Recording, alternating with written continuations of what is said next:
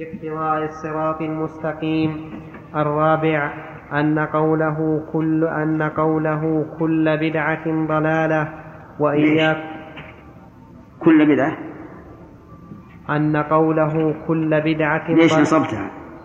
نعم لماذا نصبتها؟ نصبت ماذا يا شيخ؟ ها؟ نصبت ماذا؟ نصبت كل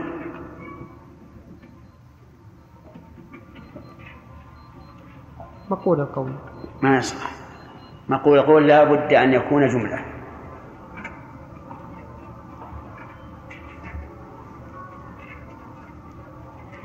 الحكاية حكاية.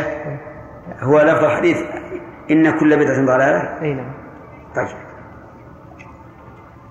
أن قوله كل بدعة ضلالة وإياكم ومحدثات الأمور. إذا أراد بهذا ما فيه نهي خاص كان قد أحالهم في معرفة المراد بهذا الحديث على ما لا يكاد على ما لا يكاد يحيط به أحد ولا يحيط بأكثره إلا خواص الأمة ومثل هذا لا يجوز بحال. رحمه الله. يعني لو قال كل بدعة ضلالة المراد كل محرم ضلالة؟ هذا ما يحيط به أحد. من يحيط بكل محرم؟ وأيضا لا يحيط بأكثره إلا خواص الناس يعني أهل العلم. لكن إذا قال كل بدعة بمجرد ما نرى عملا يتعبد به الإنسان نقول أنت الآن إيش؟ مبتدع. لا يقول إنه لم يرد النهي عن ذلك يقول لأن الأصل أن في العبادات المنع. نعم. الخامس أنه إذا أريد به ما فيه النهي الخاص كان ذلك أقل مما ليس فيه نهي خاص من البدع. فإنك لو تأملت البدع التي ن... التي من البدع التي؟ ها؟ كيف؟ أقل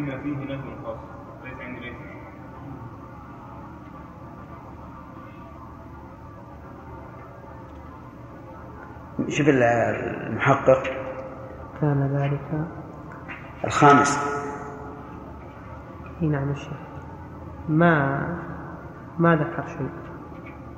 ما ذكر شيء. إيه؟ لا عندنا أقل مما ليس فيه. فإنك لو تأملت البدع التي نهى عنها بأعيانها وما لم ينه عنها بأعيانها وجدت هذا الضرب هو الأكثر واللفظ العام لا يجوز أن يراد به الصور القليلة, القليلة أو النادرة فهذه الوجوه وغيرها توجب القطع بأن هذا التأويل هذه القاعدة مفيدة جدا وهي أن اللفظ العام لا يجوز به أن يراد به إيش؟ الصور القليلة أو النادرة. هذا مفيد.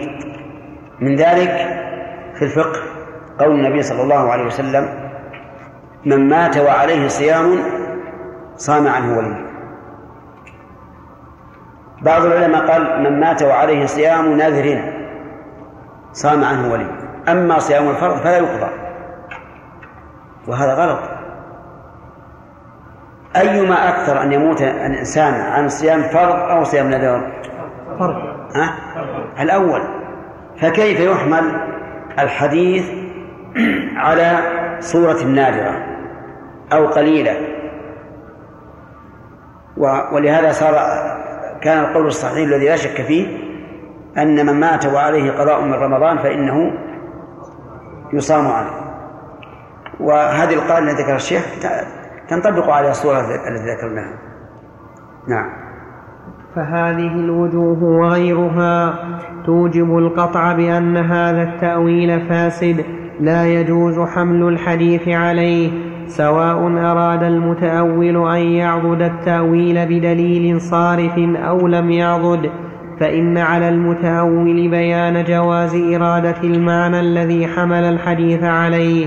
من ذلك الحديث ثم بيان الدليل الصارف له إلى ذلك وهذه الوجوه تمنع جواز إرادة هذا المعنى بالحديث فهذا الجواب عن, مقامه عن مقامهم الأول. وأما مقامهم الثاني فيقال هب, هب, إن هب, إن هب أن البدع تنقسم إلى حسن وقبيح فهذا القدر لا يمنع أن يكون هذا الحديث دالا على قبح الجميع لكن أكثر لكن أكثر لكن أكثر ما يقال أنه إذا ثبت أنه لكن نعم. أعد أعد لكن أكثر ما يقال أنه. أنه. نعم. أنه إذا ثبت أن هذا حسن يكون مستثنى من العموم. وإلا فالأصل أن, أن كل بدعة ضلالة. فقد تبين أن الجواب عن كل ما يعارض به من أنه حسن وهو بدعة إما أنه ليس ببدعة وإما أنه مخصوص. فقد سلمت دلالة الحديث. وهذا الجواب إنما هو عما ثبت حسنه. فأما أمور أخرى قد يظن أنها حسنة وليست بحسنة أو أمور يجوز أن تكون حسنة ويجوز أن لا تكون حسنة فلا تصلح المعارضة بها بل يجاب عنها بالجواب المركب وهو إن ثبت أن هذا حسن فلا يكون بدعة أو يكون مخصوصا وإن لم يثبت أنه حسن فهو داخل في العموم. وإذا, وإذا عرفت أن الجواب عن هذه المعارضة بأحد الجوابين فعلى التقديرين. الدلالة من الحديث باقية. لا ترد بما ذكروه ولا يحل لأحد أن يقابل هذه الكلمة الجامعة من رسول الله صلى الله عليه وسلم الكلية. وهي قوله كل بدعة ضلالة بسلب عمومها. وهو أن يقال ليست كل بدعة ضلالة فإن هذا إلى مشاقة الرسول فإن هذا إلى مشاقة الرسول أقرب منه إلى التأويل بل الذي يقال فيما ثبت أنه حسن من الأعمال التي قد يقال هي بدعة إن هذا العمل المعين مثلا ليس ببدعة فلا يندرج في الحديث. أو إن اندرج لكنه مستثنى من هذا العموم لدليل كذا وكذا الذي هو أقوى من العموم مع أن الجواب الأول أجود وهذا الجواب فيه نظر.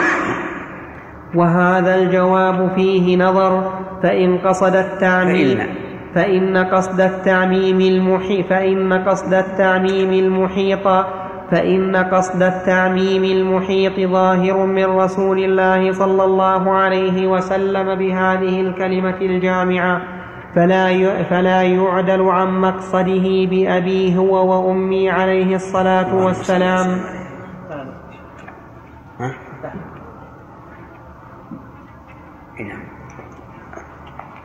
أما بعد فقد قال شيخ الإسلام ابن تيمية رحمه الله تعالى في اقتضاء الصراط المستقيم فأما صلاة التراويح فليست بدعة في الشريعة.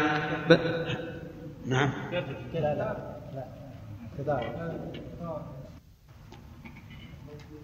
نعم.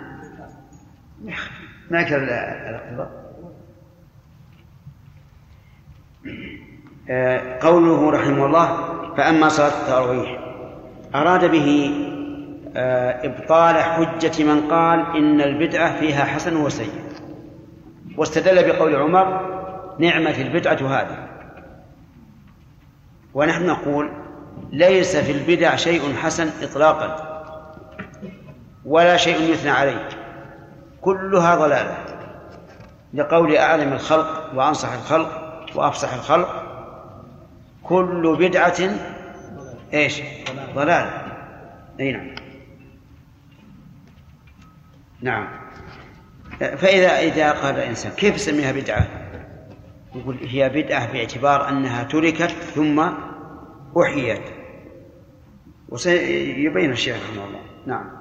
فأما صلاة التراويح فليست بدعة في الشريعة. بل سنة بقول رسول الله صلى الله عليه وسلم وفعله في الجماعة فإنه قال إن الله فرض عليكم صيام رمضان وسننت لكم وسننت لكم قيامه ولا صلاتها جماعة بدعة بل هي سنة في الشريعة بل قد صلاها رسول الله صلى الله عليه وسلم في الجماعة في أول شهر رمضان ليلتين بل ثلاثا وصلاها أيضا في العشر الأواخر في جماعة مرات وقال إن الرجل إذا صلى مع الإمام حتى ينصرف كتب له قيام ليلة كما قام بهم حتى خشوا أن يفوتهم حتى خشوا أن يفوتهم الفلاح. رواه أهل السنن. وبهذا الحديث احتج أحمد وغيره على أن فعلها في الجماعة أفضل من فعلها في حال الانفراد. وفي قوله هذا ترغيب لقيام رمضان خلف الإمام وذلك أوكد, وذلك أوكد من أن يكون سنة مطلقة وكان الناس يصلونها جماعات في المسجد على عهده صلى الله عليه وسلم وهو يقرهم واقراره سنة منه صلى الله عليه وسلم. وأما قول عمر رضي الله عنه نعمه البدعة هذه فأكثر إذا صارت قيام رمضان جماعة سنة بفعله وإيش؟ وإقراره بفعله وإقراره. نعم. وأما قول عمر رضي الله عنه نعمة البدعة هذه فأكثر المحتجين بهذا لو أردنا أن نثبت حكما بقول عمر الذي لم يخالف فيه لقالوا قول الصاحب ليس بحجة فكيف يكون حجة؟ فكيف يكون حجة لهم في خلاف قول رسول الله صلى الله عليه وسلم؟ ومن يعني قصد الشيخ رحمه الله أن هؤلاء الذين يقولون يحتجون بقول عمر لو أتى قول عمر بدون معارضة لقالوا قول صاحب. هذا قول صحابي لا حجة فيه. وهذا يدل على غلبة الهوى والعياذ بالله عند بعض الناس. أنه إذا كان الشيء موافقا لهواه فهو حجة. وإلا فليس بحجة. اللهم عافنا. نعم. ومن اعتقد أن قول الصاحب حجة فلا يعتقده إذا خالف الحديث فعلى التقديرين لا تصلح معارضة الحديث بقول الصاحب. نعم يجوز تخصيص عموم الحديث بقول الصاحب الذي لم يخالف على إحدى الروايتين فيفيدهم هذا حسن تلك البدعة أما غيرها فلا. ثم نقول أكثر ما في هذا تسمية عمر تلك بدعة مع حسنها وهذه تسمية لغوية لا تسمية شرعية وذلك أن البدعة في اللغة تعم كل وهذه تسمية؟ وهذه تسمية لغوية لا تسمية شرعية. لا تسمية. لا تسمية شرعية. وذلك أن البدعة في اللغة تعم كل ما فعل ابتداء من غير مثال سابق. وأما البدعة الشرعية فما لم يدل عليه دليل شرعي. فإذا كان نص رسول الله صلى الله عليه وسلم قد دل على استحباب فعل أو إيجابه بعد موته أو دل عليه مطلقا ولم يعمل به إلا بعد موته ككتاب الصدقة الذي أخرجه أبو بكر رضي الله عنه فإذا عمل ذلك العمل فإذا عمل ذلك العمل بعد موته صح أن يسمى, أن يسمى بدعة في اللغة لأنه عمل مبتدأ كما أن نفس الدين كما أن نفس الدين الذي جاء به النبي صلى الله عليه وسلم يسمى بدعة ويسمى محدثا في اللغة. كما قالت رسل قريش للنجاشي عن أصحاب النبي صلى الله عليه وسلم المهاجرين إلى الحبشة إن هؤلاء خرجوا من دين آبائهم ولم يدخلوا في دين الملك وجاءوا بدين محدث لا يعرف. ثم ذلك العمل الذي دل عليه الكتاب والسنة ليس بدعة في الشريعة وإن سمي بدعة في اللغة فلفظ البدعة في اللغة أعم من لفظ البدعة في الشريعة. وقد علم أن قول النبي صلى الله عليه وسلم كل بدعة ضلالة لم يرد به كل عمل مبتدأ.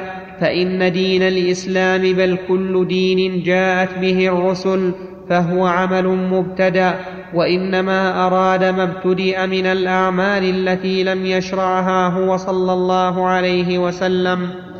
وإذا كان كذلك فالنبي صلى الله عليه وسلم قد كانوا يصلون قيام رمضان على عهده جماعة وفرادا وقد قال لهم في الليلة الثالثة أو الرابعة لما اجتمعوا.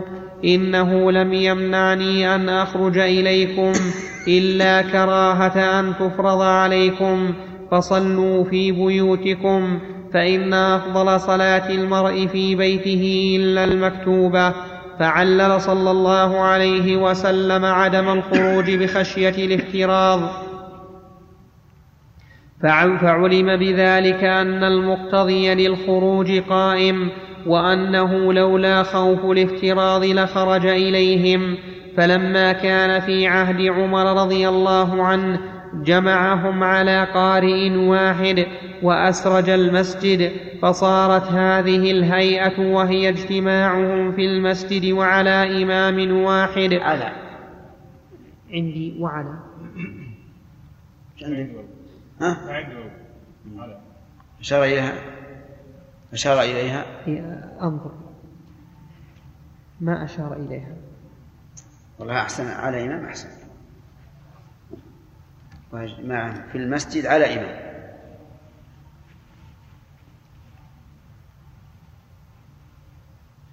فصار اجتماعهم في المسجد على إمام واحد مع الإسراج عملا لم يكونوا يعملونه من قبل فسمي بدعة لأنه في اللغة يسمى بذلك ولم يكن بدعة شرعية لأن السنة اقتضت أنه عمل صالح ولولا خوف الافتراض وخوف الافتراض زال بموته صلى الله عليه وسلم فانتفى المعارض.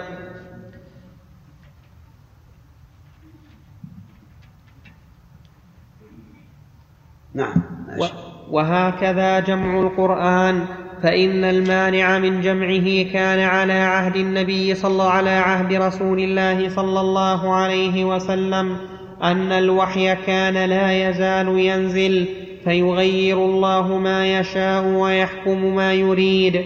فلو جمع في مصحف واحد لتعسر أو تعذر تغييره كل وقت فلما استقر القرآن بموته واستقرت الشريعة بموته صلى الله عليه وسلم أمن الناس من زيادة القرآن. أمن. أمن. الناس من زيادة القرآن ونقصه وأمنوا من زيادة الإيجاب والتحريم والمقتضي للعمل قائم بسنته صلى الله عليه وعلى آله وسلم. فعمل المسلمون بمقتضى سنته وذلك العمل من سنته وإن كان يسمى في اللغة بدعة. وصار هذا كنفي عمر رضي الله عنه ليهود خيبر ونصارى نجران ونحوهما من أرض العرب. فإن النبي صلى الله عليه وسلم عهد بذلك في مرضه فقال أخرجوا اليهود والنصارى من جزيرة العرب. وإنما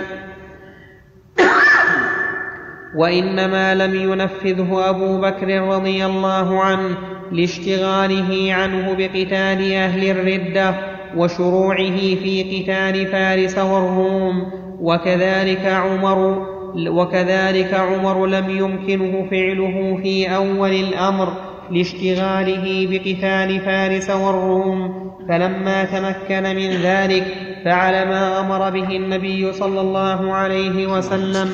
وإن كان هذا الفعل قد يسمى بدعة في اللغة كما قال له اليهود كيف تخرجنا وقد أقرنا أبو القاسم؟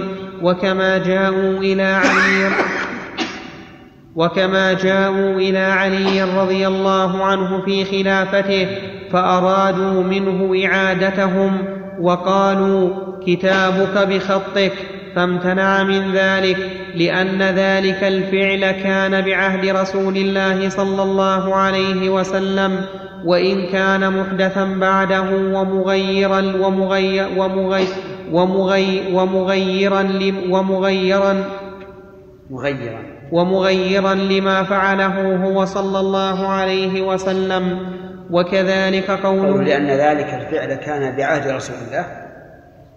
ليس المراد بعهده أي بعصره لكن بعهده لأنه عهد إلى أمته أن يخرج اليهود والنصارى من جزيرة العرب.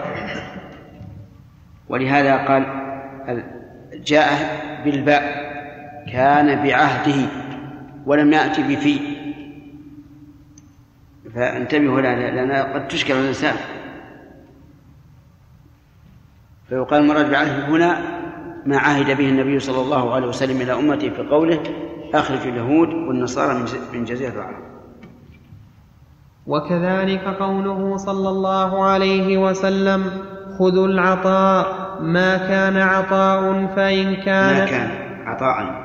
خذوا العطاء ما كان عطاء فإذا كان عوضا عن عن دين أحدكم خذوا العطاء ما كان عطاء خذوا العطاء ما كان عطاء فإذا كان عوضا عن دين أحدكم فلا تأخذوه.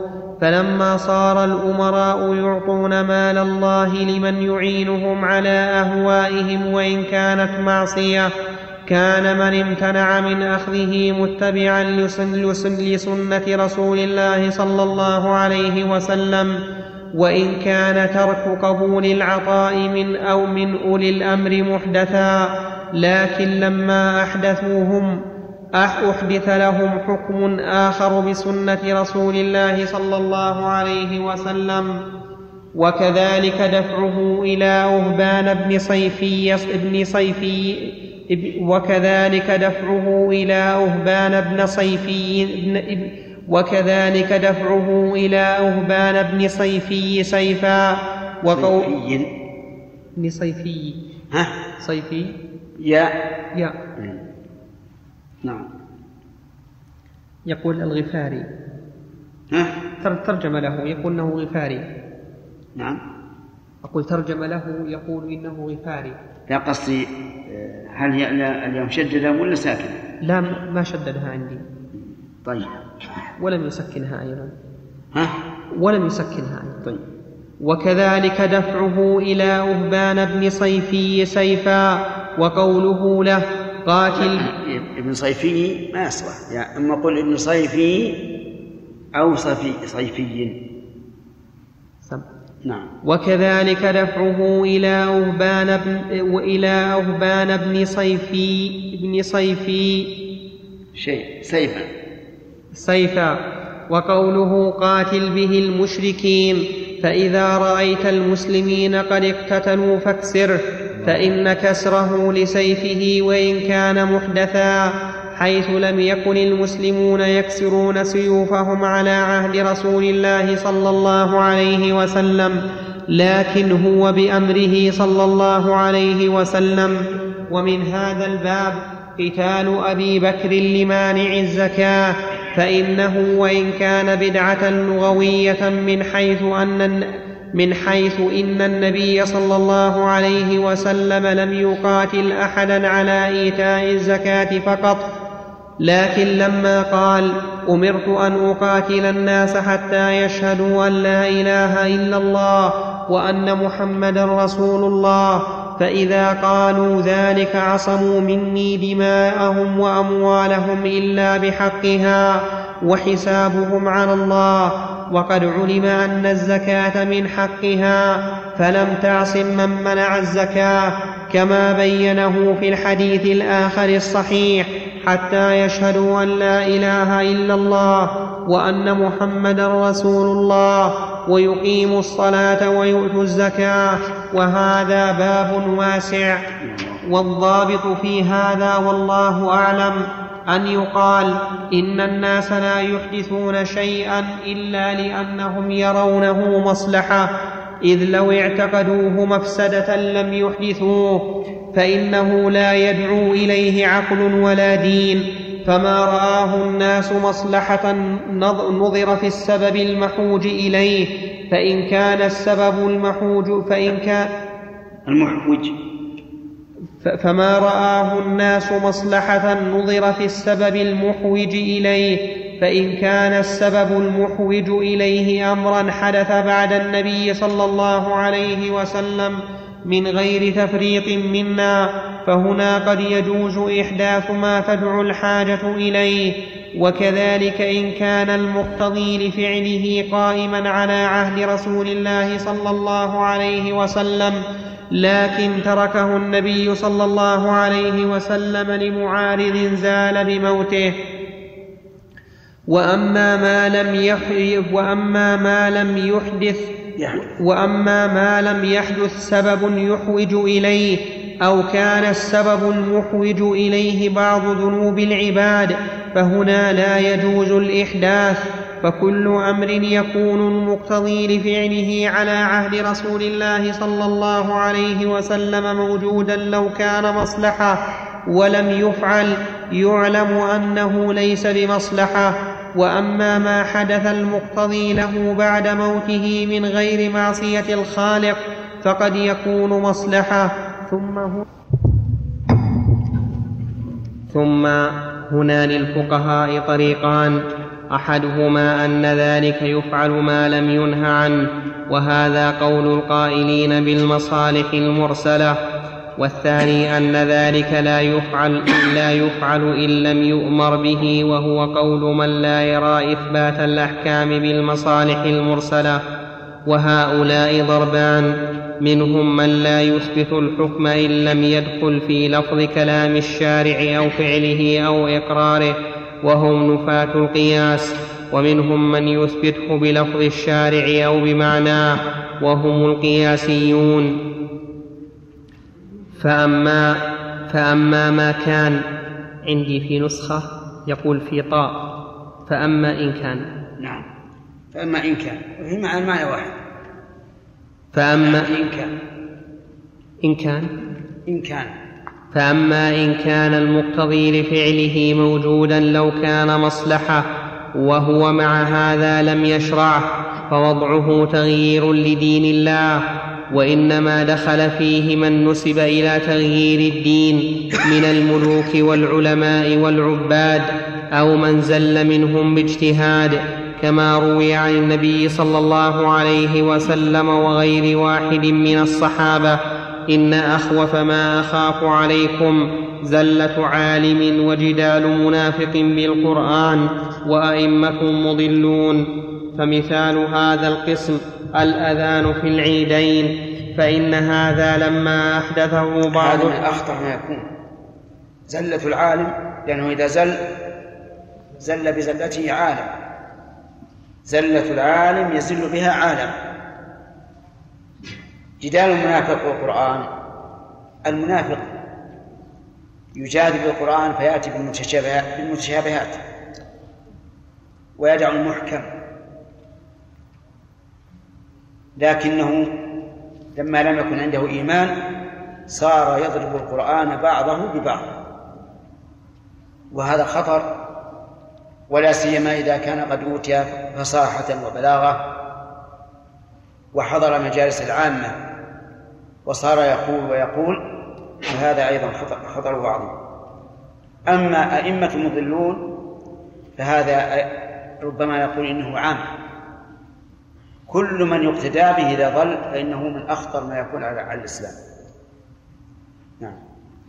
فمثال هذا القسم الأذان في العيدين. فإن هذا لما أحدثه بعض الأمراء أنكره المسلمون لأنه بدعة فلو لم يكن كونه بدعة دليلا على كراهته على كراهته وإلا لقيل هذا ذكر لله ودعاء للخلق إلى عبادة الله فيدخل في العمومات كقوله تعالى اذكروا الله ذكرا كثيرا وقوله تعالى ومن أحسن قولا ممن دعا إلى الله أو يقاس على الأذان في الجمعة فإن الاستدلال على حسن الأذان في العيدين أقوى من الاستدلال على حسن أكثر البدع بل يقال ترك رسول الله ترك رسول الله صلى الله عليه وسلم مع وجود ما يعتقد مقتضيا وزوال المانع سنة كما أن فعله سنة.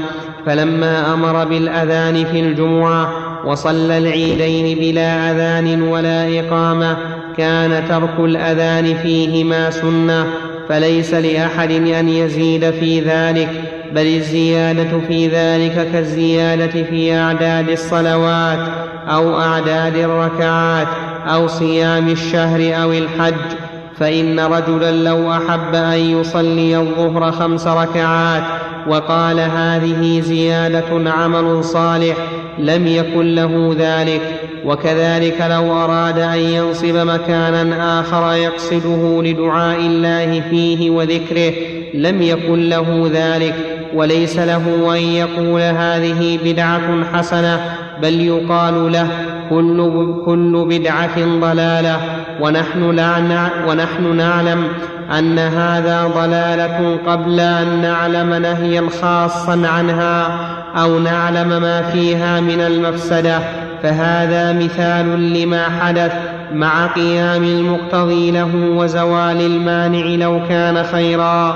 فإن كل ما يبديه المحدث لهذا من المصلحة أو يستدل به من الأدلة قد كان ثابتا على عهد رسول الله صلى الله عليه وسلم ومع هذا لم يفعله رسول الله صلى الله عليه وسلم فهذا الترك سنة خاصة مقدمة على كل عموم وكل قياس. ومثال ما حدثت الحاجة إليه من البدع بتفريق من الناس تقديم الخطبة على الصلاة في العيدين فإنه تبين الآن أن نقول كل شيء وجد سببه في عهد النبي صلى الله عليه وسلم بدون مانع ولم يفعله ففعله بدعة بدعة وتركه هو السنة. أما إذا وجد مانع أو خيف المانع فلا حرج. كما ترك النبي صلى الله عليه وسلم صلاة الجماعة في قيام رمضان خوفا من فرض. من أن تفرض. فلا يقال إننا الآن لو إن قيامها الآن جماعة بدعة ولأن الرسول عليه الصلاة والسلام ترك هذا من خوفا من أن تفرض عليه. نعم. ومثال ما حدثت الحاجة إليه من البدع بتفريق من الناس تقديم الخطبة على الصلاة في العيدين فإنه لما فعله بعض الأمراء أنكره المسلمون لأنه بدعة واعتذر من, من واعتذر, واعتذر من أحدثه بأن الناس بأن الناس قد صاروا ينفضون قبل سماع الخطبة وكانوا على عهد رسول الله صلى الله عليه وسلم لا ينفضون حتى يسمعوا أو أكثر أو أكثرهم فيقال له سب فيقال له سبب هذا تفريطك فإن النبي صلى الله عليه وسلم كان يخطبهم خطبة يقصد بها نفعهم وتبليغهم وهدايتهم وأنت قصدك إقامة رياستك. أو إن قصدت صلاح دينهم فلا تعلمهم ما ينفعهم فهذه المعصية منك لا تبيح لك احداث معصيه أخرى بل الطريق في ذلك أن تتوب إلى الله وتتبع سنة نبيه وقد استقام الأمر وإن لم يستقم فلا يسألك الله إلا عن عملك لا عن عملهم وهذان المعنيان من وهذان المعنيان.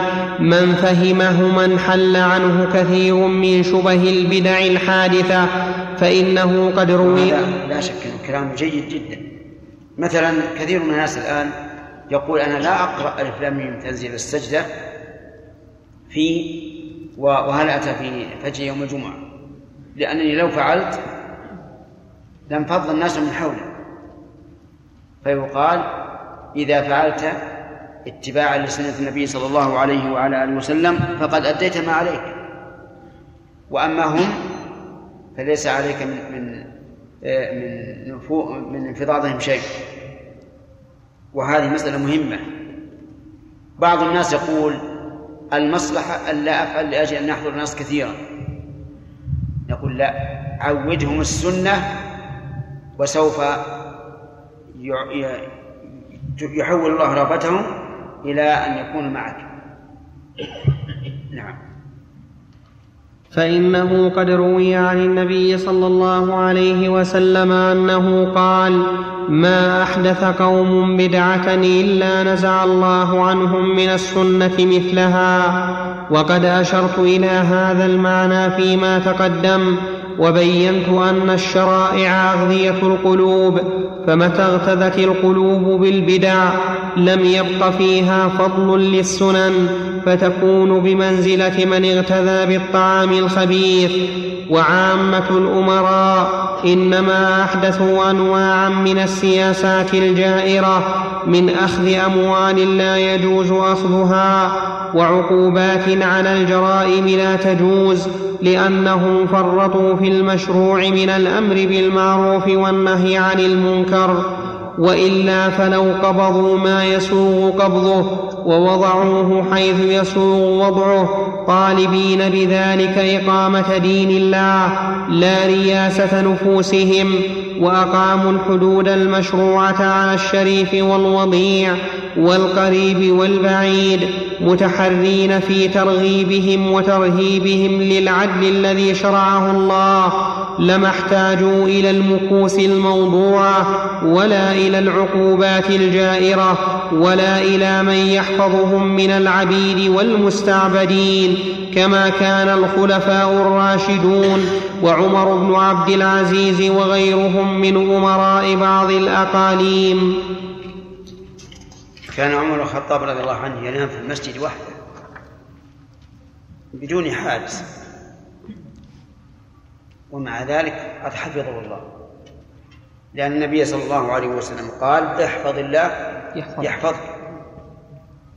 فكل من أقام شرع الله فإنه محفوظ بلا شك.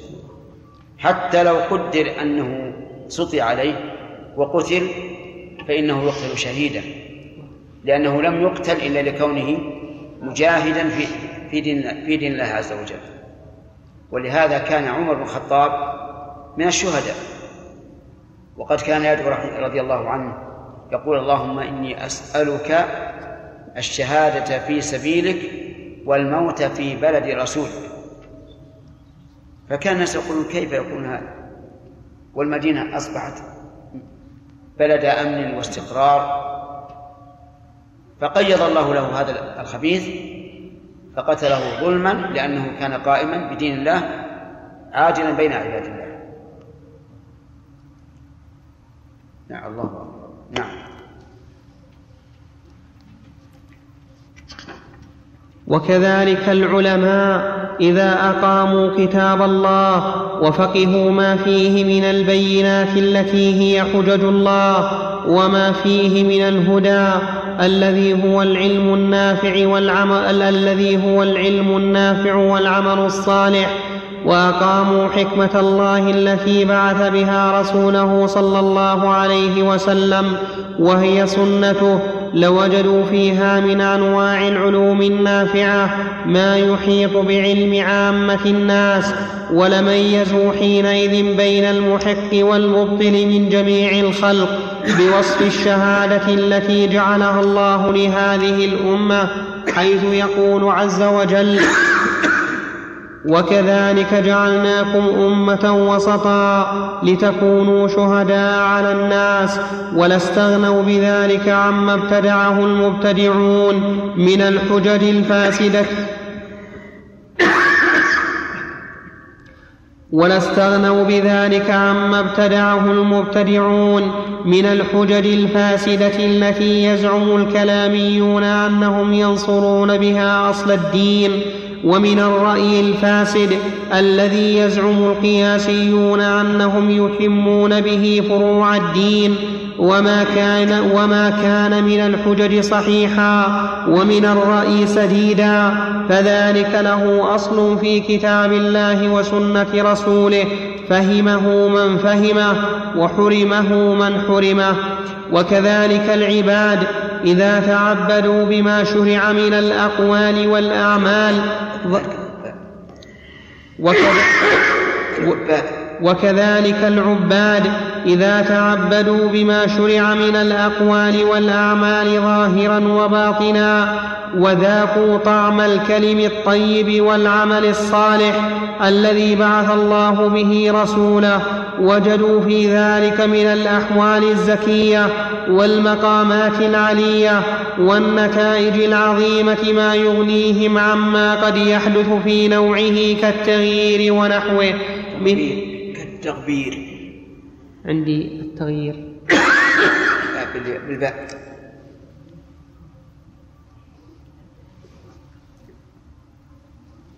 ما يغنيهم عما قد يحدث في نوعه كالتغبير ونحوه من السماعات المبتدعة الصارفة عن سماع القرآن وأنواع من الأذكار والأوراد لفقها بعض الناس أو في قدره كزيادات من التعبدات. لا بد أن نعرف هذا الشيخ رحمه الله.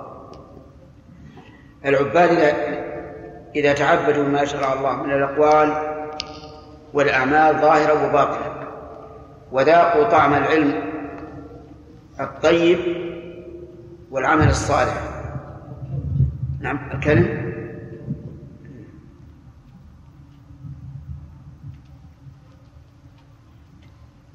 وذاقوا طعم الكلم الطيب والعمل الصالح الذي بعث به الرسول صلى الله عليه وسلم. وجدوا في ذلك من الأحوال الزكية والمقامات العلية والنتائج العظيمة ما يغنيهم عما قد يحدث في في نوعه كالتغبير ونحوه.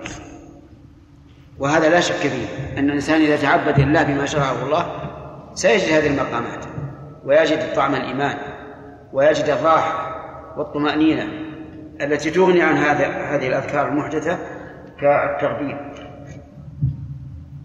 التغبير هذا عند الصوفية يجلسون هذا هكذا حلقة ومعهم سياق. وبين أيديهم شيء من الفراش. ثم إذا تواجدوا وانفعلوا ضربوا هذا البساط وأشدهم وأعلاهم منزلة هو الذي يغبر من هذا البساط لأنه كلما قوت الضربة ثار الغبار فلهذا يسمونه التغبير وهو ذكر مبتدع لا شك كذلك أيضا يوجد الآن في الأدعية أدعية مسجوعة مطولة كالقش لا خير فيها.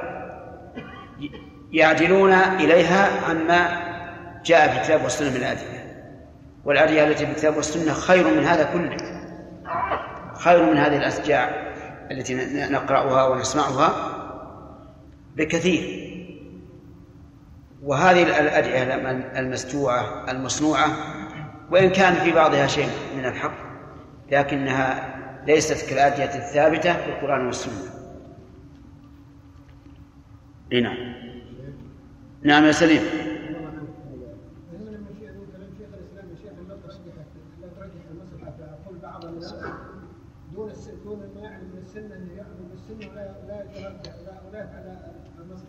أي نعم.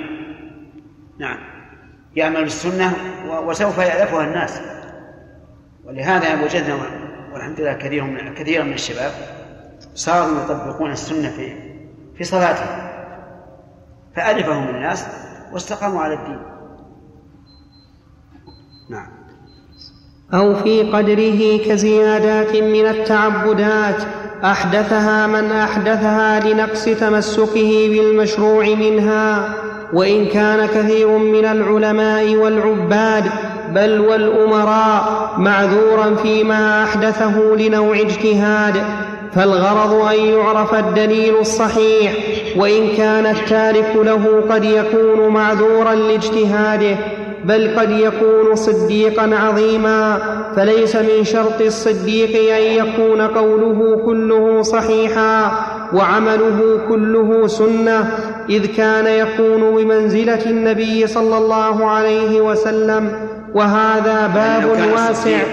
لو كان الصديق يجب أن يكون قوله كله صحيح وعمله سنة كان بمنزلة النبي صلى الله عليه وسلم.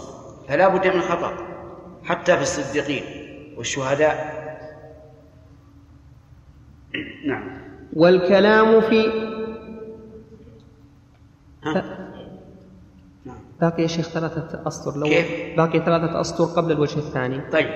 لو نكملها. لا بأس. والكلام في أنواع البدع وأحكامها وصفاتها لا يتسع له هذا الكتاب وإنما الغرض التنبيه على ما يزيل شبهة المعارضة للحديث الصحيح الذي ذكرناه والتعريف بأن النصوص الدالة ويعرف. سم؟ ويعرف. بأن النصوص؟ ويعرف أن النصوص الدالة. عندي والتعريف بأن ما أشار النسخة هذه ما أشار الشيخ. ما أشار إليها لا. اجعلها نسخة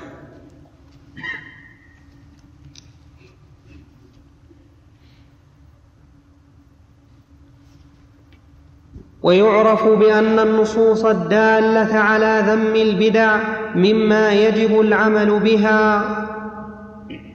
نعم هل يدخل فيما تركه النبي صلى الله عليه وسلم وفعله يكون بدعة؟ نعم. يدخل فيما تركه النبي صلى الله عليه وسلم ويكون بدعة؟ من الصلاة الرواتب في السفر لا أظن هذا. لأن لأن الرواتب مشروعة في الأصل. لكنها كتبت بالنسبة للسفر. فلا يكون مثل هذا. نعم إن أراد الرغبة عن السنة فلا شك أنه أنه يصليها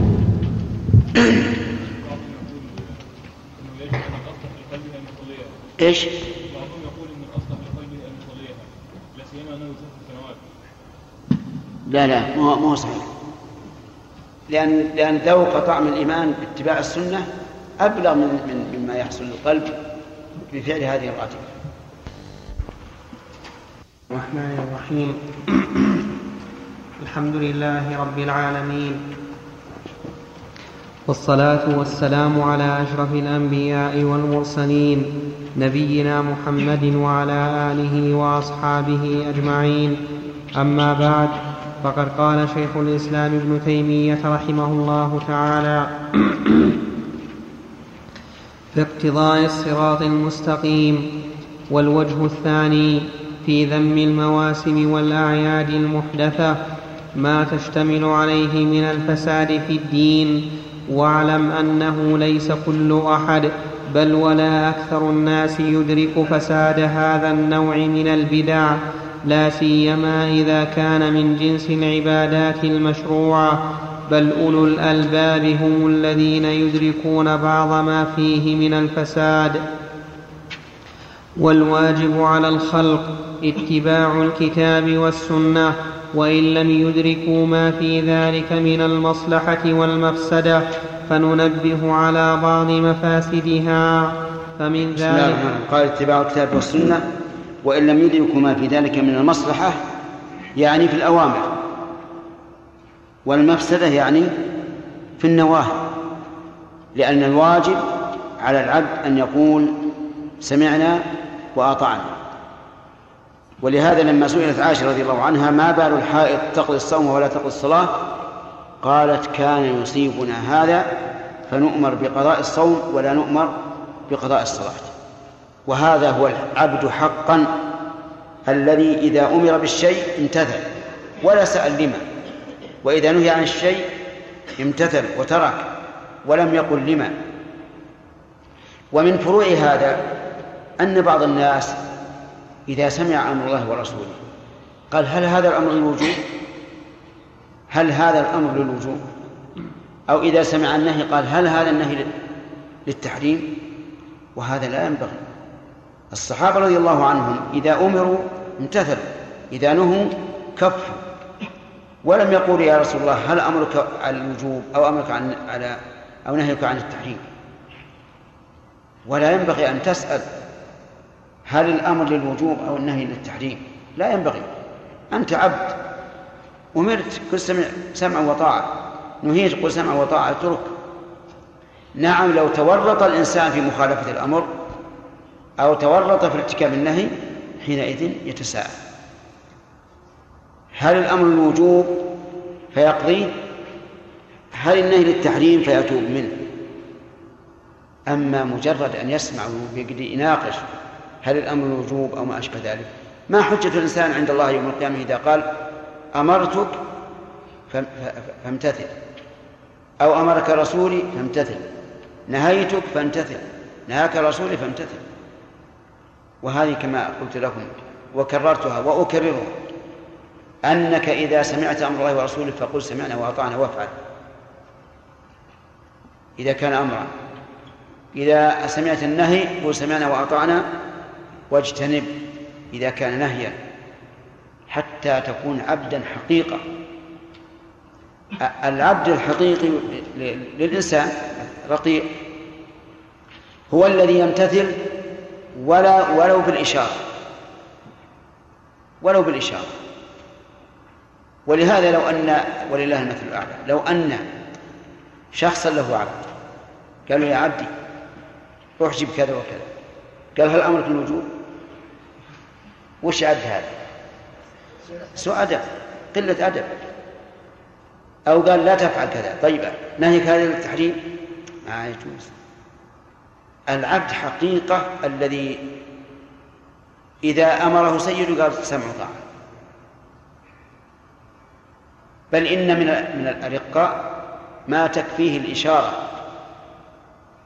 خلافا لمن قال العبد يضرب بالعصا والحر تكفيه الإشارة. نقول ومن العبيد من تكفيه الإشارة. ومن الأحرار من لا ينفع فيه إلا العصا. نعم. فعلى كل حال هذه نصيحة لكم. أنكم إذا سمعتم أمر الله ورسوله قولوا سمعنا وأطعنا. افعلوا وأنتم على خير. وإذا فرطتم فيه فأنتم على خطر. وكذلك يقال في النهي. نعم صحيح أنه إذا تورط الإنسان في المخالفة فحينئذ له أن يبحث هل هذا للوجوب فيقضيه أو للتحريم فيتوب منه. نعم. ولهذه الكلمة هذه من شيخ الإسلام رحمه الله من أحسن الكلمات. الواجب على الخلق اتباع الكتاب والسنة وإن لم يدركوا ما في ذلك من المصلحة والمفسدة. نعم.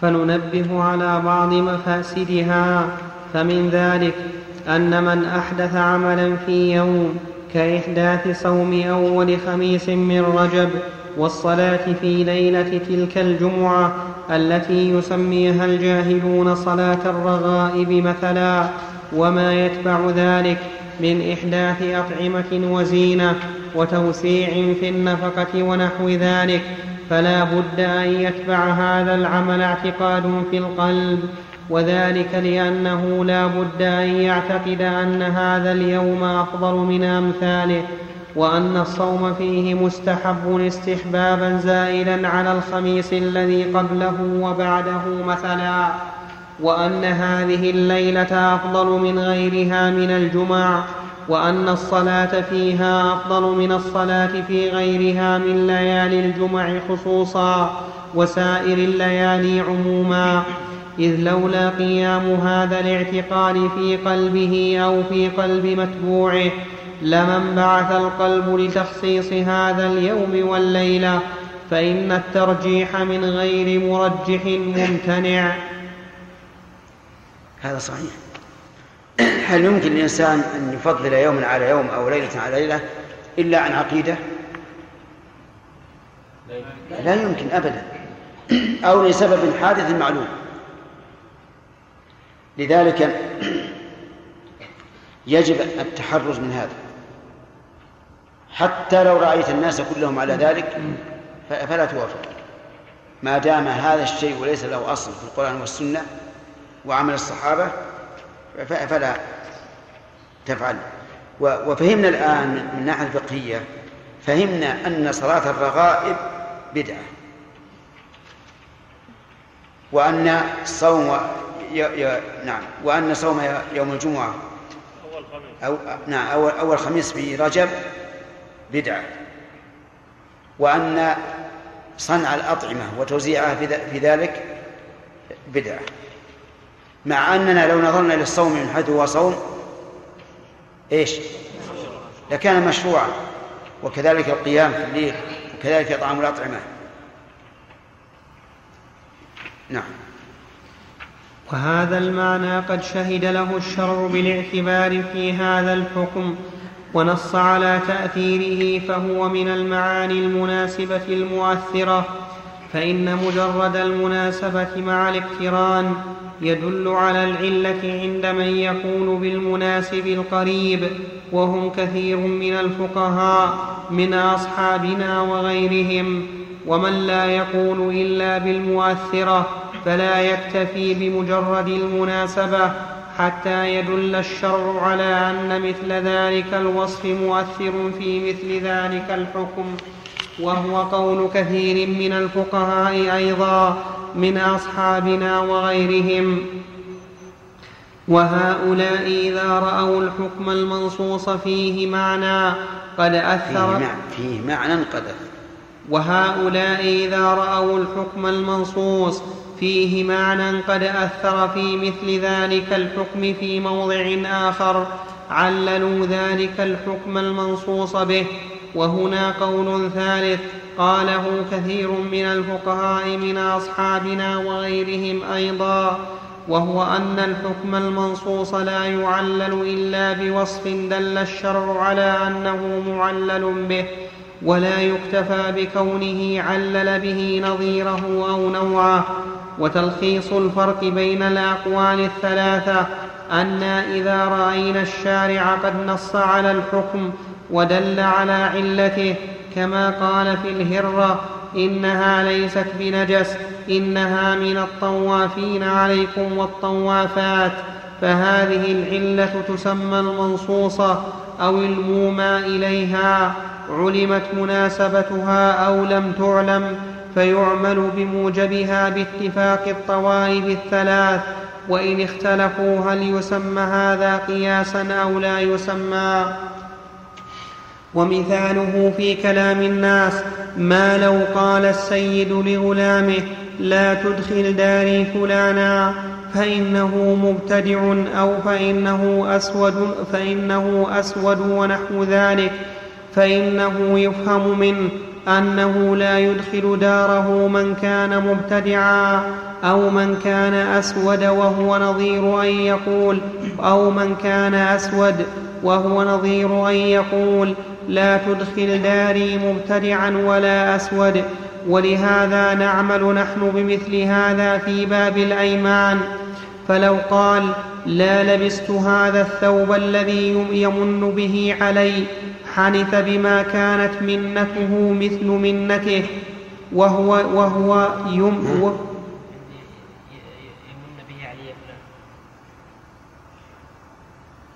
هذا أشار إليها. يقول في المطبوعة زاد فلان. كيف؟ يقول في المطبوعة زاد فلان. هو المعنى واضح. حنث بما كانت منته مثل, مثل بما كانت منته مثل منته وهو يمنه ونحو ذلك. في المطبوعة يقول وهو ثمنه. والله أحسن. وأما يعني إذا قال والله لا ألبس هذا الثوب الذي من به علي أو الذي يمن به علي. لو أخذ ثمنه. كان حانثا لماذا؟ تحققت المنة. لأن العلة وهي المنة موجودة في الثمن. نعم.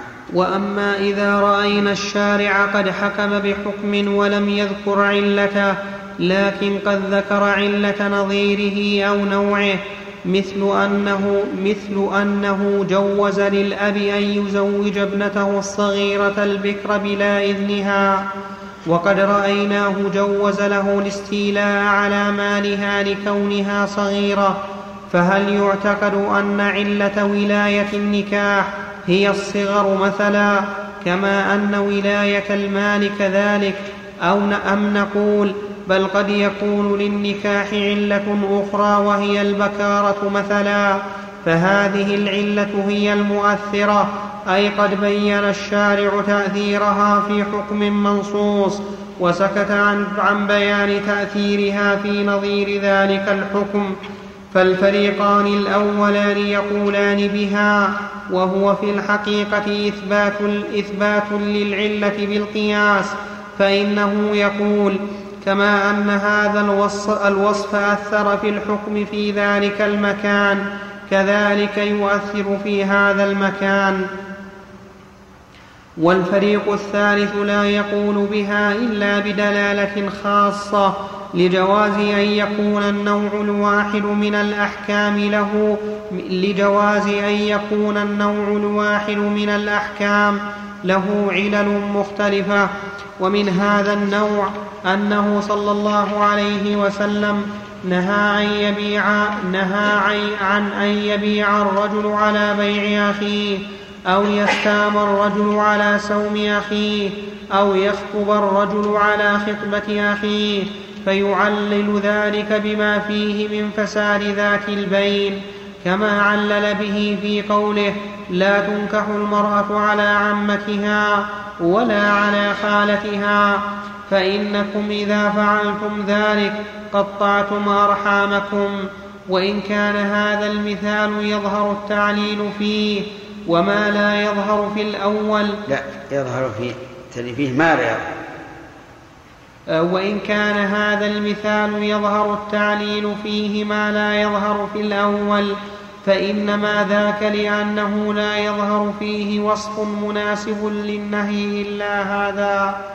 والسبر دليل خاص على العلة ونظيره من كلام الناس أن يقول لا تعط هذا الفقير فإنه مبتدع ثم يسأله فقير آخر مبتدع فيقول لا تعطه وقد يكون ذلك الفقير عدوا له فهل يحكم بأن العلة هي البدعة أم يتردد لجواز أن تكون العلة هي العداوة؟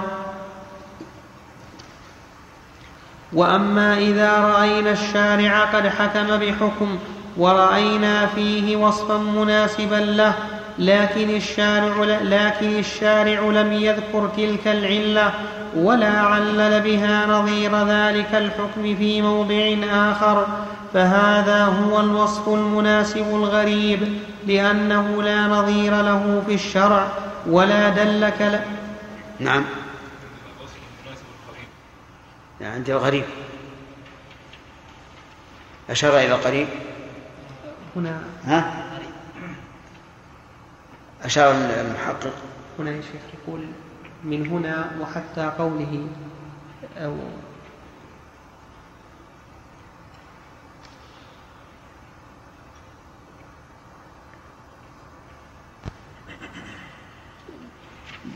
عند قوله بعد بعد هذا التعليق ذكرت.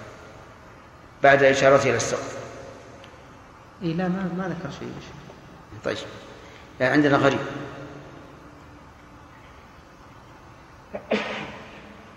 رحمك الله. نسخة يا شيخ ولا؟ أقول نسخة. لا ما تحب ما دام ثلاث نسخ تبقى ذلك فهذا هو الوصف المناسب الغريب لأنه لا نظير له في الشرع ولا دل كلام الشارع وإيمانه عليه فيجوز اتباعه الفريق الأول. فجوز. فيجوز اتباع. تجوز تجوز. أصح يا شيخ؟ عندك عندي إيش؟ يجوز. ها؟ فيجوز. يجوز. لا حق نسخة سامح عندك. فجوز؟ فجوز. نسخة اللي عندنا. فجوز اتباعه الفريق الأول ونفاه الآخران وهذا إدراك لعلة الشارع بنفس عقولنا من غير دلالة منه. كما أن الذي قبله إدراك لعلته بنفس القياس على كلامه والأول إدراك لعلته بنفس كلامه ومع هذا فقد, فقد, فقد تعلم علة الحكم المعين بالسبر وبدلالات أخرى. فإذا ثبتت هذه الأقسام فمسألتنا من باب العلة المنصوصة في موضع المؤثرة في موضع آخر وذلك أن النبي صلى الله عليه وسلم نهى عن تخصيص أوقات بصلاة أو بصيام وأباح ذلك إذا لم يكن على وجه التخصيص. فروى مسلم في صحيحه عن أبي هريرة رضي الله عنه عن النبي صلى الله عليه وسلم قال لا تخصوا ليلة الجمعة بقيام من بين الليالي ولا تخصوا يوم الجمعة بصيام من بين الأيام إلا أن يكون في صوم يصومه أحدكم. وفي الصحيحين عن أبي هريرة رضي الله عنه يصومه أحدكم يعني مثل لو أنه يصوم يوما ويفطر يوما فوافق يوم صيامه يوم الجمعة. فهذا لا بأس وفي الصحيحين عن أبي هريرة قال سمعت النبي صلى الله عليه وسلم يقول لا يصومن أحدكم يوم الجمعة إلا يوما قبله أو بعده. وهذا لفظ البخاري وروى البخاري عن جويرية بنت الحارث رضي الله عنها أن النبي صلى الله عليه وسلم دخل عليها يوم الجمعة وهي صائمة فقال أصمت امس قالت لا. قال اتريدين أن تصومي غدا؟ قالت لا. قال فأفطري. وفي الصحيحين عن محمد بن عباد بن جعفر قال سألت جابر بن عبد الله وهو يطوف بالبيت. أنهى رسول الله صلى الله عليه وسلم عن صيام يوم الجمعة. قال نعم ورب هذا البيت. وهذا لفظ مسلم. وعن ابن عباس رضي الله عنهما أن النبي صلى الله عليه وسلم قال لا تصوموا يوم الجمعة وحده رواه الإمام أحمد. ومثل هذا ما أخرجاه في الصحيحين عن أبي هريرة رضي الله عنه عن النبي صلى الله عليه وسلم قال لا يتقدمن لا يتقدمن أحدكم رمضان بصوم يوم أو يومين إلا أن يكون رجل كان يصوم صومه فليصم ذلك اليوم.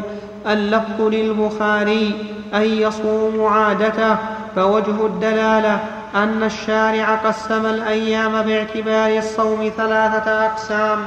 قسم شرع, قسم شرع تخصيصه بالصيام إما إيجابا كرمضان وإما استحبابا كيوم عرفة وعاشوراء.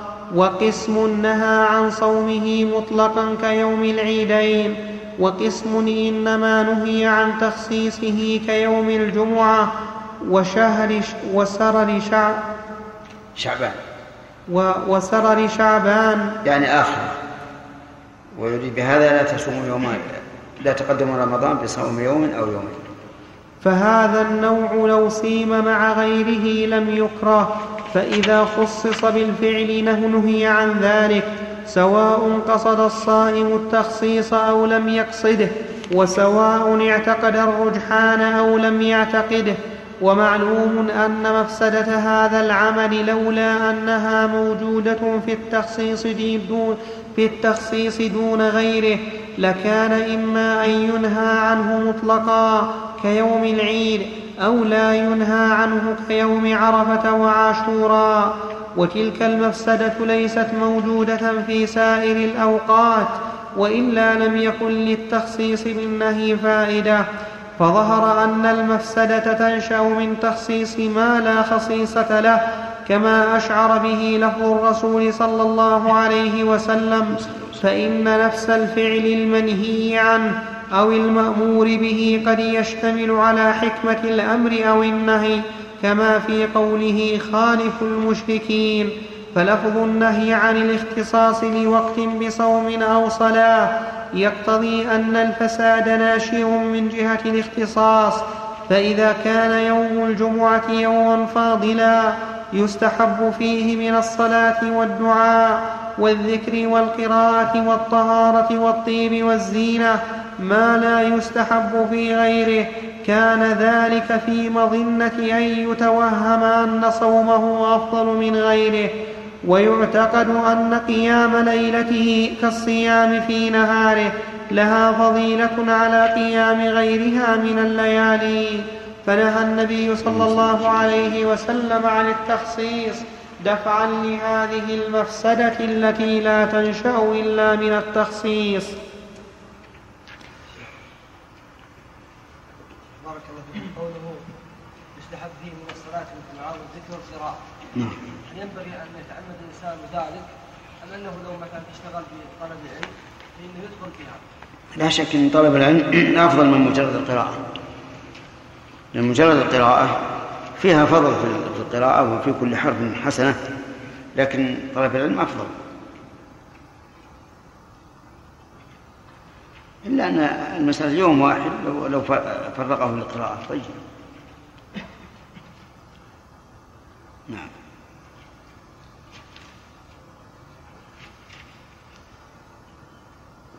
أواصل إيه ما ت- باقي باقي باقي. الوقت باقي. يقول وقت السؤال. ها؟ وقت السؤال. ها سؤال؟ طيب. رمضان معروف بأنه وقت شهر ها؟ رمضان. اي نعم. معروف بأنه شهر القرآن. نعم.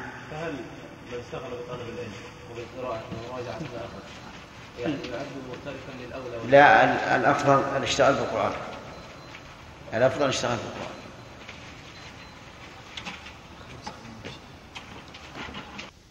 بالنسبة لمراجعة المتون العلمية. إيش؟ أقول بالنسبة لمراجعة المتون العلمية. كما لو كان الإنسان يراجع مثلا حديث النبي صلى الله عليه وسلم أو ألفية بن مالك أو ما شابه ذلك من المتون العلمية. في رمضان يعني؟ يعني في رمضان وفي غيرها لأنه لو تركها ربما نسيها. رمضان شهر واحد رمضان القرآن.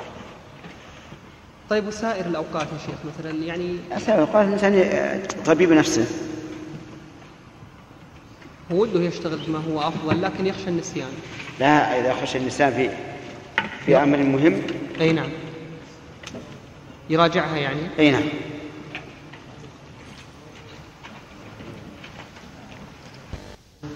أما بعد فقد قال شيخ الإسلام ابن تيمية رحمه الله تعالى في اقتضاء الصراط المستقيم وكذلك تلقي رمضان. قد يتوهم أن فيه فضلا لما فيه من الاحتياط للصوم ولا فضل فيه في الشرع. فنهى النبي صلى الله عليه وسلم عن تلقيه لذلك. وهذا المعنى موجود في مسألتنا.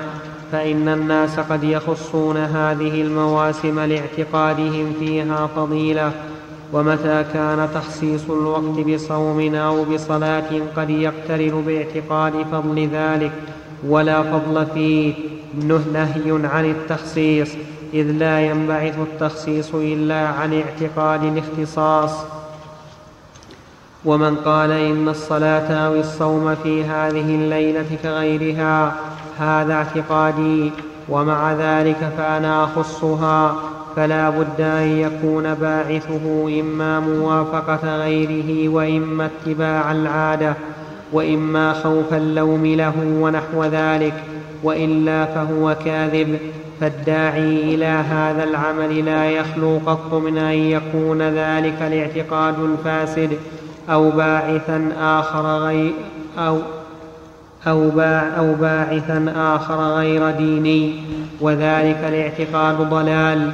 فإنا قد علمنا يقينا أن النبي صلى الله عليه وسلم وأصحابه وسائر الأئمة لم يذكروا في فضل هذا اليوم والليلة ولا في فضل صومه بخصوصه وف- وفضل قيامها بخصوصها حرفا واحدا وأن الحديث المأثور فيها موضوع وأنها إنما حدثت يتكلم الان عن إيش؟ تخصيص. عن تخصيص ليلة اول نعم أول جمعة أول ليلة جمعة في رمضان في, في رجب نعم. وأن الحديث وأنها إنما حدثت في الإسلام بعد المئة الرابعة ولا يجوز والحال هذه أن يكون لها فضل لأن الفضل لأن ذلك الله الفضل أكبر. ك- هذا يدل على آية من آيات النبي عليه الصلاة والسلام أن غالب البدع إنما انتشر بعد ذهاب القرون الثلاثة المفضلة في المئة الرابعة وفي أواخر الثالثة وهلم مجرة خصوصا البدع العملية. أما العقدية فهي من زمن الصحابة التكذيب بالقدر من زمن الصحابة وكذلك القول في الإيمان يسمى الإيمان والكفر وما أشبه. نعم. ولا يجوز والحال هذه هذه ينبغي أن يقيدها الإنسان متى حدثت هذه البدعة يعني بدعة الليلة اللي تسمى ليلة الغائب أول جمعة من رجب. قد لا تكاد تجدها مثلا مكتوبة في أي كتاب. نعم. ولا يجوز والحال هذه أن يكون لها فضل لأن ذلك الفضل إن لم يعلمه النبي صلى الله عليه وسلم ولا أصحابه ولا التابعون ولا سائر الأئمة. امتنع أن نعلم نحن من الدين الذي يقرب إلى الله ما لم يعلمه النبي صلى الله عليه وسلم والصحابة والتابعون وسائر الأئمة. وإن علموا امتنع مع توفر دواعيهم على العمل الصالح وتعليم الخلق والنصيحة لهم ألا ألا يعلموا أحدا بهذا الفضل ولا يسارع ولا يسارع إليه واحد منهم. فإذا كان هذا الفضل المدعى يعني هذا التقسيم لا يمكن أن تخرج أن نوجد قسما ثالثا. إلا تضمن قدحا في الرسول وأصحابه. نقول هل هم جاهلون أو لا؟ إذا كانوا جاهلين فهذا قدح. إذا كانوا عالمين فهل عملوا به أو لا؟ إذا لم يعملوا فهذا قدح. ومعلوم انتفاء القدح من الجانبين في حق الرسول صلى الله عليه وسلم وأصحابه فما بقي إلا أن يكون ليس ذا فضل ولا عبادة. نعم. فإذا كان هذا الفضل المدعى مستلزما لعدم علم الرسول وخير القرون ببعض دين الله أو لكتمانهم وتركهم ما تقتضي شريعتهم وعاداتهم ألا يكتموا عادتهم. وعادتهم بالإفراد تصحيح شيء إي نعم. عشان نطابق الأول.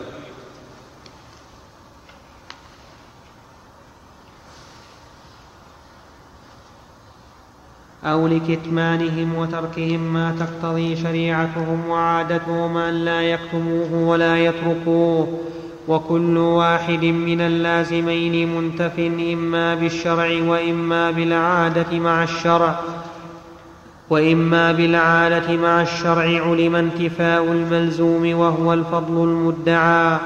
ثم هذا العمل المبتدع مستلزم إما لاعتقاد هو ضلال في الدين أو عمل دين لغير الله أو عمل, أو عمل دين لغير الله سبحانه والتدين والتدين بالاعتقادات الفاسدة أو التدين لغير الله لا يجوز فهذه البدع وأمثالها مستلزمة قطعا أو ظاهرا لفعل ما لا يجوز. قطعا أو ظاهرا. فهذه البدع وأمثالها مستلزمة قطعا أو ظاهرا لفعل ما لا يجوز فأقل أحوال المستلزم إن لم يكن محرما أن يكون مستلزم فأقل أحوال المستلزم إن لم يكن محرما أن يكون مكروها وهذا المعنى سار في سائر البدع المحدثة ثم هذا الاعتقاد يتبعه أحوال في القلب. من التعظيم والإجلال وتلك الأحوال أيضا باطلة ليست من دين الله. ولو فرض أن الرجل قد يقول أنا لا أعتقل الفضل فلا يمكنه مع التعبد أن يزيل الحال الذي في قلبه من التعظيم والإلج والإجلال. والتعظيم والإجلال لا ينشأ إلا بشعور من جنس الاعتقاد ولو أنه وهم أو ظن. إيش؟ ولو والتعظيم والإجلال لا ينشأ إلا بشعور من جنس الاعتقاد ولو أنه وهم أو ظن أن ولو أنه وهم أو ظن وهم أو ظن. ولو أنه وهم أو ظن ثم قال هذا أمر ضروري. أنا عندي اي ما يخالف عندنا أحسن. أنا عندي يا شيخ أن هذا أمر ضروري. ها؟ أن هذا. ها؟ أن هذا أمر ضروري. ولو أنه وهم أي أو ظن. أن هذا أمر ضروري. إيه. لا اللي عندنا ولو أنه وهم أو ظن هذا أمر ضروري. حتى نص عندك ما ما شرع أي نعم. توهم. كما عند الآخر. نعم. ولو أنه وهم أو ظن أن هذا أمر ضروري فإن النفس لو خلت عن الشعور بفضل الشيء امتنع مع ذلك أن تعظمه لكن قد تقوم بها خواطر متقابلة فهو من حيث اعتقاده أنه بدعة يقتضي منه ذلك عدم تعظيمه ومن حيث شعوره بما روى فيه بما روى فيه؟ روي.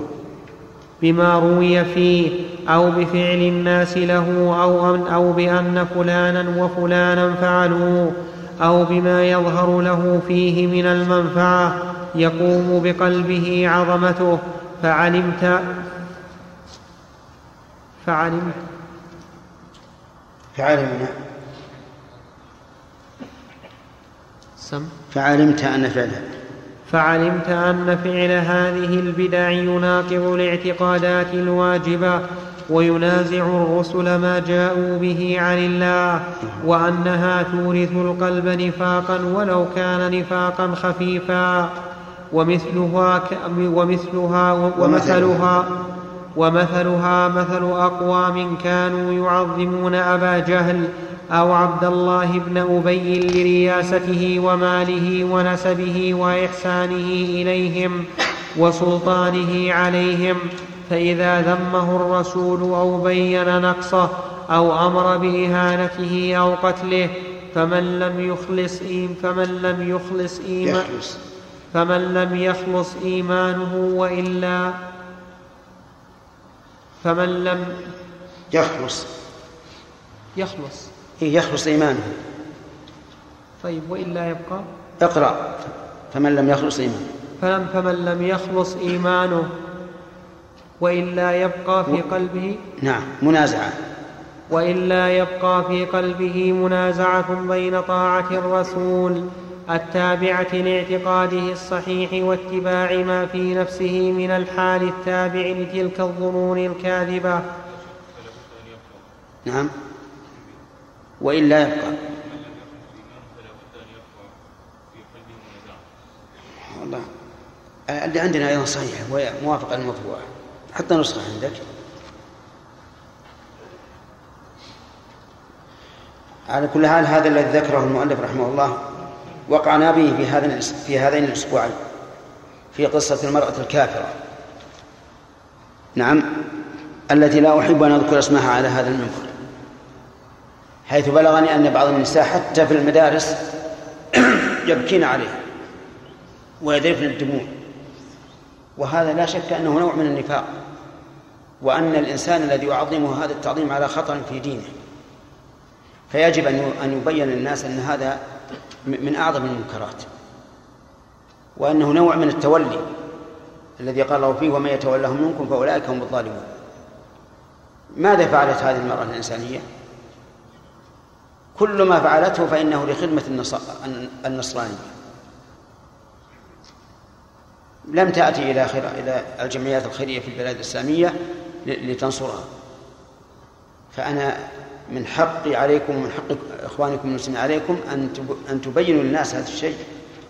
لئلا لئلا يتسابق الناس إلى موالاة الكفار وهم لا يدرون. امرأة كافرة ماتت على الكفر تذرف عليها الدموع أو تنشد فيها الأشعار. لا شك إن هذا نقص في الإيمان ونقص في الشخصية أيضا. هذا الذي قاله الشيخ رحمه الله الذين يعظمون أبا جهل. أبا جهل معروف. سيادته في قومه ومعروف شجاعته ومعروف ما له من الأمور التي يحمد عليها من حيث أنها إنسانية. عبد الله بن أبي كذلك. معروف نسبه ورئاسته وشرفه لقومه وسلطته عليهم. أي إنسان يعظم هؤلاء لما لهم من هذه الأمور فإن في قلبه نفاقا بلا شك. وعلى خطر عظيم. فالواجب على طلبة العلم أن يبين الناس أن لا تذهب الصحف الجاهلة هذه بهذه الدعاية العظيمة وإخواننا لا يبينون للناس. لا بد أن يبين هذا للناس في المجالس وفي كل مكان إلا إذا طفئت فتنتها فلتطفأ عليها نار لكن ما دام الأمر قائما لا بد أن يبين. ولولا أنها ماتت بهذه الميتة ولولا أنها صار لها من الدعاية في الإذاعات الخارجية ما صار ما صار كانت المرأة من, من سائر النساء. اللهم اهدنا فيما هديت. نعم.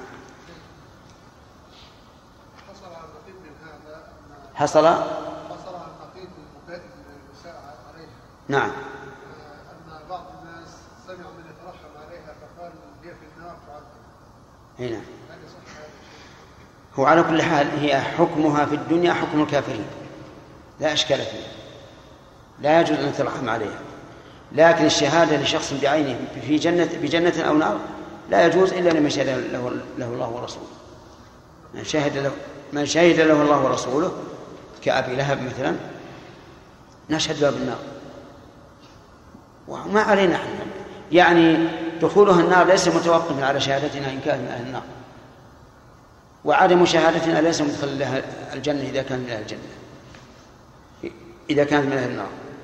يعني عدم شهادتنا لها لا يمنعها من دخول النار إذا كانت من أهل النار؟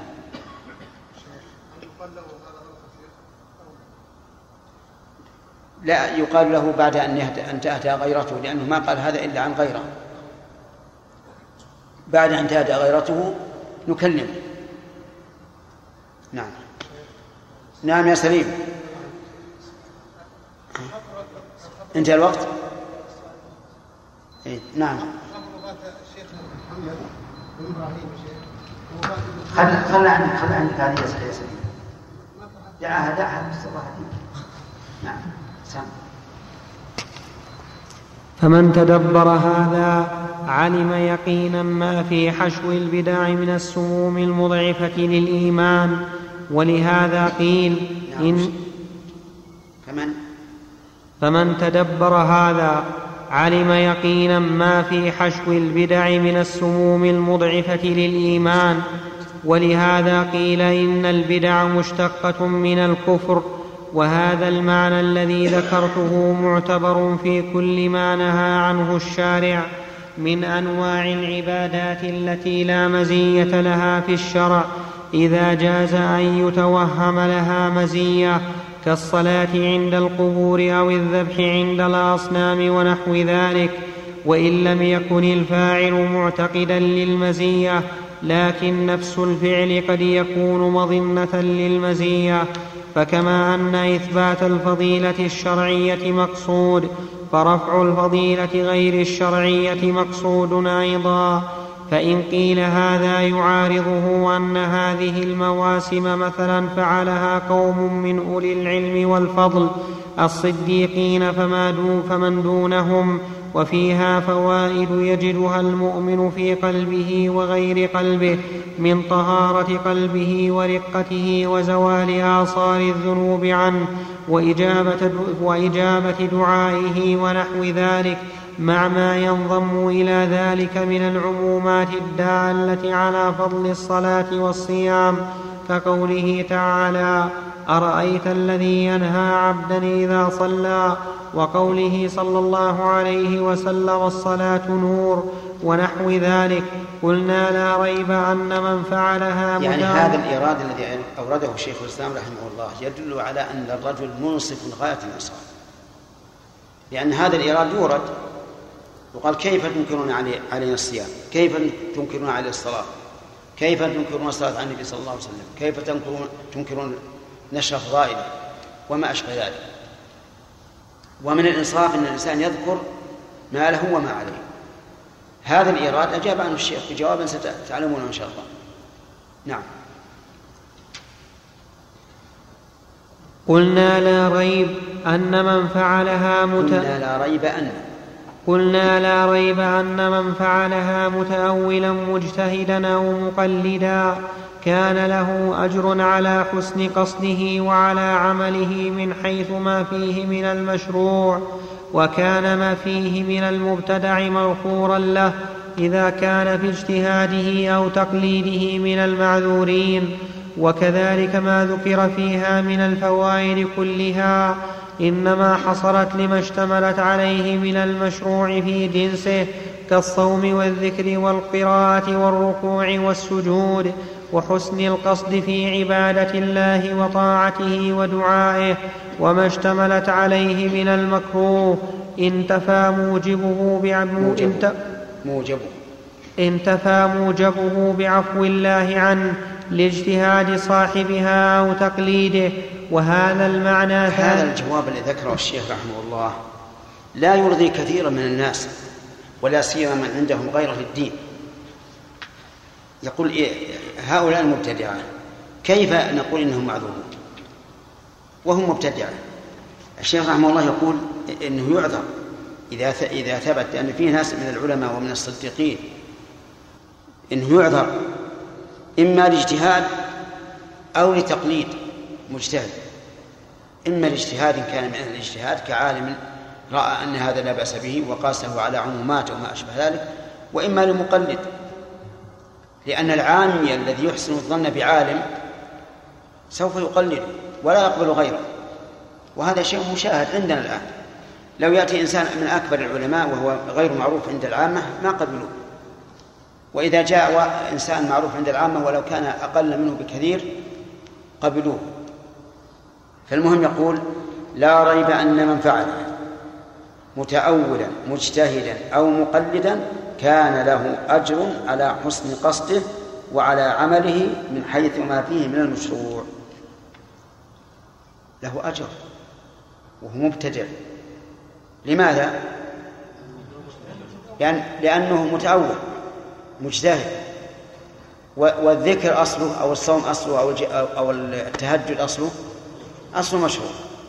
لكن كونه بهذا الزمن أو بهذا المكان أو على هذه الكيفية غير مشهور.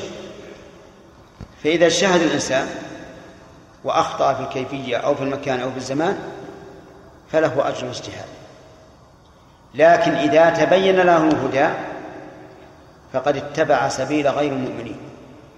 وقد قال الله تعالى ومن يشاقق الرسول من بعد ما تبين له الهدى ويتبع غير سبيل المؤمنين نوله ما تولى ونصليه جهنم وساءت مصيرا المهم أن هذه يا أخواني قاعدة مفيدة. حتى